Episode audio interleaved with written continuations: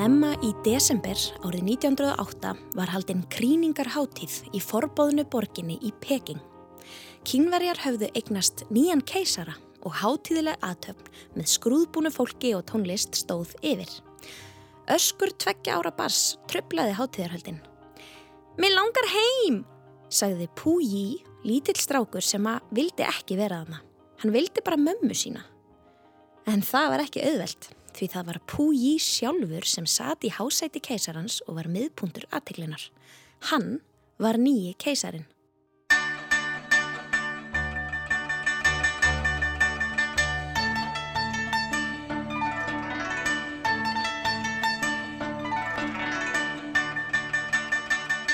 Forbóðuna borgin er sögufrægur staður í Kína. Hún var heimili ótalmarkra keisara en þangað máttu almennir borgarar ekki svo mikið sem stíga inn fæti. Ming keisarættin byggði forbóðinu borgina fyrir rúmlega 600 árum. Í borginni eru um 980 byggingar sem flestar eru hallir, ríkulega skreittar rauðar hallir með gulum eða gildum þökum. Hún er umkringt háumveggjum og breyðum skurði, fullum af vatni. Fagurlega skreittar drekastittur og málverk sjást á víð og dreif um borgina en drekin er tákn keisarans. Forbóðna borgin var heimili 24 keisara, 14 af Ming-ættinni og 10 af Qing-ættinni. Þetta er sagan af Pu Yi, síðasta keisaranum í Kína sem var aðeins tveggjárað þegar hann var gerður keisara. Á sama tíma var Olga í samfélaginu og fólkið krafðist breytinga. Það vildi ekki lengur hafa keisara heldur líðræði. Púi þurfti að afsala sér keisaraveldinu. Eftir að honum var steifta stóli fekk hann að búa í innri hluta Hallargarðs forbóðnu borgarinnar um tíma en fremri hluti Hallargarðsins var gerður að almenningsegn. Þegar hann var svo endanlega hrakin á brott var forbóðna borgin gerðað almenningssafni og síðar skráð á heimsminjaskrá UNESCO vegna þess hver mikilvægur hluti hún er í menningu, byggingarlist og sögu Kína. En hver var þessi Pu Yi, síðasti krakka keisari Kína? Byrjum á því að fá eitt á hreint. Hvað er keisari? Keisari er sá sem hefur æðsta valdið af öllum.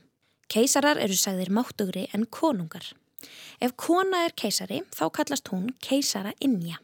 Keisari og keisarinja ráða yfir sínu keisaraveldi sem getur verið stórt yfirráðasvæði og jafnvel mörg lönd. Frægir keisarar voru til dæmis í Rúslandi, Japan, Þískalandi og Róm til forna. Í dag er bara eitt keisar eftir í heiminum, en það er keisarin í Japan. Hann er þó ekki jafn voldugur og margir keisarar fortíðarinnar, enda er Japan líka líðveldi, þar sem fólk getur haft áhrif með því að kjósa. En Aftur að krakka keisarannum í Kína. Pu Yi fætist árið 1906. Hann fætist inn í Qing keisarættina en bjóð með fóruldrum sínum í annari höll, fjarrri forbúðinu borginni. Frændi hans, Guang Xu, var keisari en hann átti engin börn og dó skindilega aðeins 37 ára að aldri. Saga okkar hefst þegar Pu Yi er tveggjára og nýju mánuða. Það hefur verið ákveðið að hann eigi að vera næsti keisari Kína. Án viðverunar byrtist flokkur af fólki úr forbóðinu borginni heima hjá Púji og sögðu fóröldrum hans að nú ætti að taka af þeim barnið þeirra.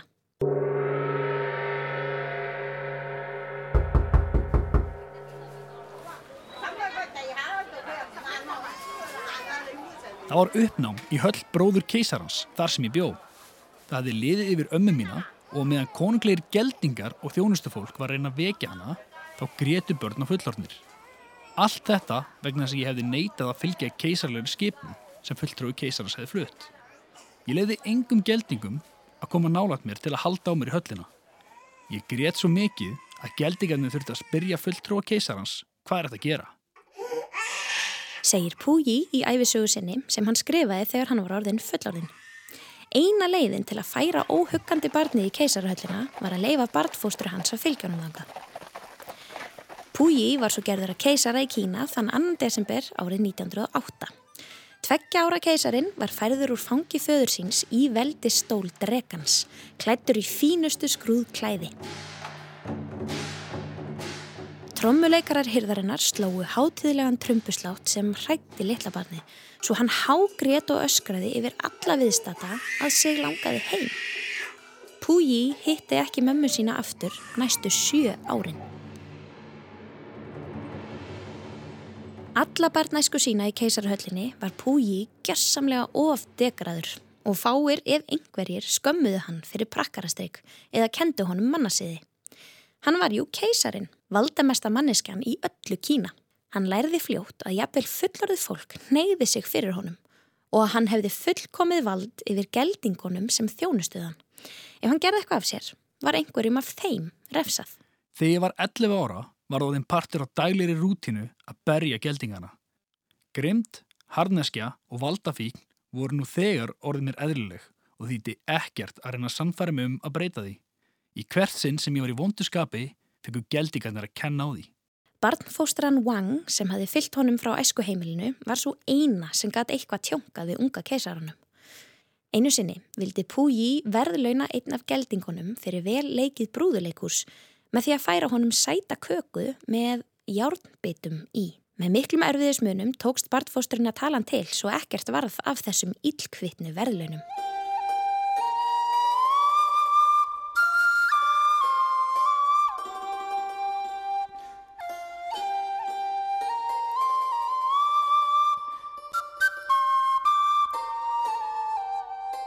En hverjir voru þessir geldingar? Atugið að lýsingar í eftirfærandi kapla gætu vakið óhug hjá einhverjum hlustendum. Við mælum með því að ung börn hlusti með foreldrum eða öðrum fullornum. Geldingur er orð yfir mann eða dreng sem hefur farið í aðgerð til að fjarlæga eistun og stoppa kynþróskan. Hjá keisarageldingum í Kína voru bæði eistun og tippið fjarlægð með skurðaðgerð. Þetta týðkaðist víða um heim í gamla daga en sem betur fer ekki lengur. Tilgangurinn var mismunandi eftir samfélögum en í Kína var þetta gert svo að menn gætu ekki eignast börn og þannig freistast til að ræna völdum með því að hefja sína eigin keisara ætt. Geldingar máttu vinna fyrir keisaran eftir aðgerðina en það þótti eftirsoknavert að vinna fyrir hann, sérstaklega fyrir fátæka menn, svo sumir fóru í þessa sásökafullu aðgerð viljandi. Geldingar voru taldir lang besta þjónustufólkið því þeir áttu enga fjölskyldu og áttu því að geta sínt keisaranum sínum meiri hotlustu en aðrir.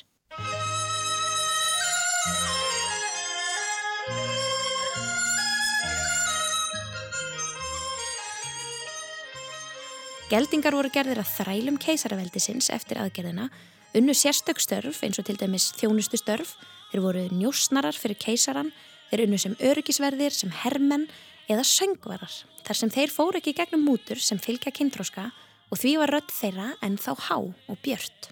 Þeir elduðu, ræktuðu gardinn, þvoðu þvott, skemmtu gestum og syndu öllum mögulegum þörfum keisarans unga. Puyi var aldrei einn í höllinni. Hann var alltaf umkringdur þjónustufólki og það var allt gert fyrir hann. Hann let geldingana opna dyr fyrir sig, klæða sig, þvó sér, blása á matinn sinn ef hann var of heitur. Í hvert einasta sinn sem hann var svangur fekk hann risastórt hlaðborð af réttum að velja úr þó hann borðaði aldrei nema bara pinlítið af því.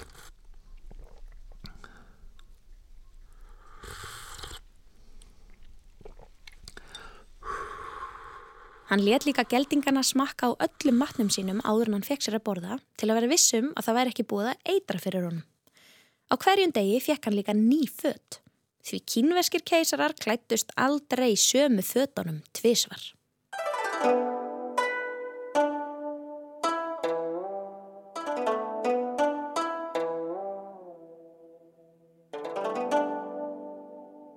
Ég á ennþá einn af morgunverðarselunum mínum frá ég var sex ára. Hann hljómar svona. Keisarasveppir með heilum kjúklingi sem hefur verið gufusóðinn í fjóra tíma. Skoriði kjúklingakjött með heimaræktuðu græmiði. Heil, gufusóðinn skinka. Hægalduð vömb og lunga. Niðurskorið nöndakjött með sérræktuðu káli. Kryttað kindakjött. Kindakjött með spínati, bönum og sveppum. Sæt og fersk söðran kirsuber með kartublum. Gufusóði kjött og græmiði. Íulker í andasóði, gljáð og kryttuð önd keisara hrísgrón með söðrænum karteplum, steiktir sveppir, svínakjötið skorið í ferninga með brokkoli, þund skorið lambakjött með sérræktuðu kryttuðu græmiti, steiktar eggjarúlur, skallott, laukur og skori kjött, köld vömb marineruð í kryttum og víni, kryttað tófu með sojasósu og þurkuðu græmiti, reykt og þurkað tófu með bönaspýrum, engiferi og öðrum kryttum, léttsteikt sérræktað græmiti, fasani, þurkaður og kryttaður, kjötsúpa forfædrana. Og þetta allt var bara á morgunverðarborðinu. Færð þú svona veisluborð á hverju morgni heimi á þér? Eftir hvern einasta matmálstíma var geldingur sendur til æðistu ráðumanna hyrðarkeisarans. Hann fór á nýjan og sagði eitthvað í líkingu við. Þræll þinn færir þar fregnir að lávarður hinn að tíu þúsund ára. En það var keisarin kallaður. Borðaði eina skál af hrískunum, eina sesambólu og eina skál af konchi grónagrut. Hann borðaði matinn að bestu list.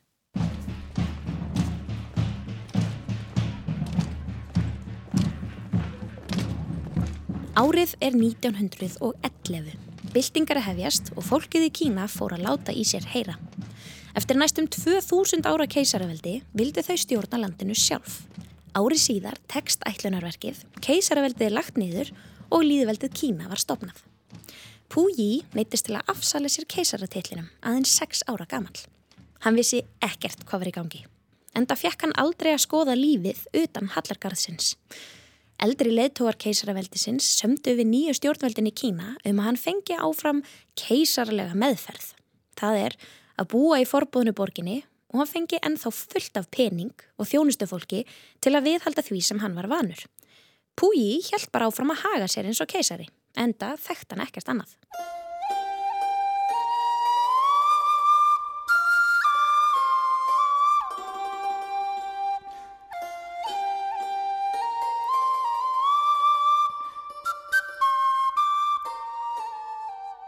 Eftir að keisaraveldi var lagt niður var mikil ólga í stjórnmálum kynverja og menn ekki alveg sammálum hvernig þetta stjórna landinu eftir þessar miklu breytingar. Árið 1917 var Pú Yi nýjára Það ár tók stríðsherra að nafni Shan Shuen af skarið og ætlaði að koma keisaraveldinu aftur á með því að skipa herr sínum að sína Pú Yi hotlustu sína. Það tókst og Pú Yi varð aftur keisarin í Kína. Í tólf daga. Þá létt fórsetin henda sprengjum á forbúðinu borgina, eitthvað sem hafði aldrei gerst áður. Forbúðunaborgin skemmtist ekki mikið en þetta var nóg til að stöðva uppreysnarherr Shans Shuen. Pu Yi varð aftur fyrirverandi keisari sem faldi sig frá umheiminum í innri hluta forbúðunu borgarinnar. Geldingum í þjónustu keisarans fækkaði mjög mikið eftir að keisaraveldi var lagt niður þó einhverjir unnu áfram fyrir Pu Yi. Síðasti keisarageldingurinn dó árið 1996.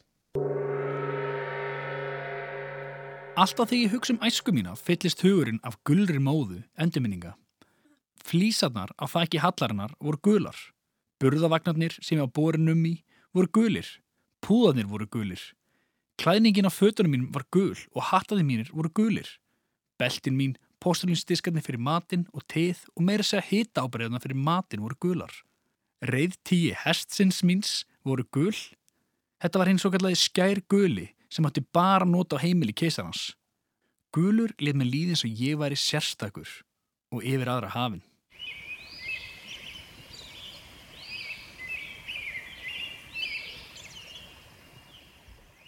Keisarin ungi hitti ekki sískinni sín fyrir hann var tí ára og móðir hans og amma fór að venja komur sínar í forbóðinu borgina. Þau höfðu aldrei heyrt fórildra sína tala um Pú Jí sem bróður þeirra, bara sem keisaran. Þau vissi ekki eins og hvernig hann leit út. Sískinu voru feimin við hvort annað í fyrstu en fóru svo að leika sér eins og vennilega börn. Þau fóru í feluleik út um allan hallargarðin. Eitt sinn þegar þau höfðu hlaupið lengi settust þau niður. Pú Tjei, yngri bróður keisarans, virti bróður sinn fyrir sér. Áttu keisarar ekki vera gamlir kallar með sítt skegg. Þessi keisari leitt allt öðruvísi út en Pú Tjei hafði ímyndað sér. Síðan lifti hann höndinni til að strjúka ímyndiðu skeggi og þá sá Púji keisari glitta í gullt efni innan í skirtu bróður síns. Pújei, Hvað er þetta að gera í þessum lit? Hvað fær til þess að halda það með klæðast honum? Þetta er aprikosugulur, ekki keisaragulur. Vittlisa, þetta er skær gulur. Já, já, allt í lagi. Viðurkendi hann að lokum. Þetta er skær gulur, þú hefðir ekki að klæðast honum. Já, herra, yður hátegn, fyrir gefðu. Hljómar eins og vennilegt rifrildi á milli bræðra, ekki satt? Eða hvað? Færið þú að ráða hvernig fött sískina þinn er á litin? Púji var vanur að fá að ráða öllu. Hann átti allt, meira að segja gula litin. Það var hins vegar ekki alveg rétt vegna þess að allir í keisari fjölskyldinu máttu klæðast gulu en Púji held að það væri bara hann sem mætti það.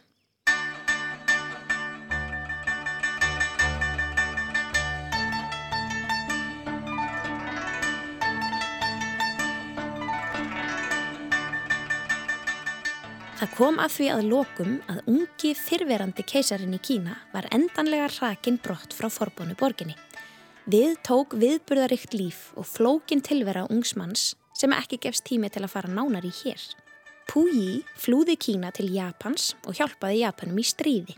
Var svo ferður aftur til Kína og þar þurfti hann að sita í fangilsi fyrir að svíkja land og þjóð. Setna var hann gerður að almennum borgara í Peking, höfuborg Kína. Hann syndi ímsum störfum, var til dæmis gardirkjumadur í grasagarðinum og götusópari. Eitt sinn týndist hann á göngu. Hann þurfti að stoppa vegfærendur og segja Ég er Pu Yi, síðasti keisari Qing keisarættarinnar. Ég gisti á ætningi mínum hér í borginni og ég rati ekki heim. Eftir að hann losnaður fangilsi var hann frægur fyrir að haga sér eins og breyttur maður.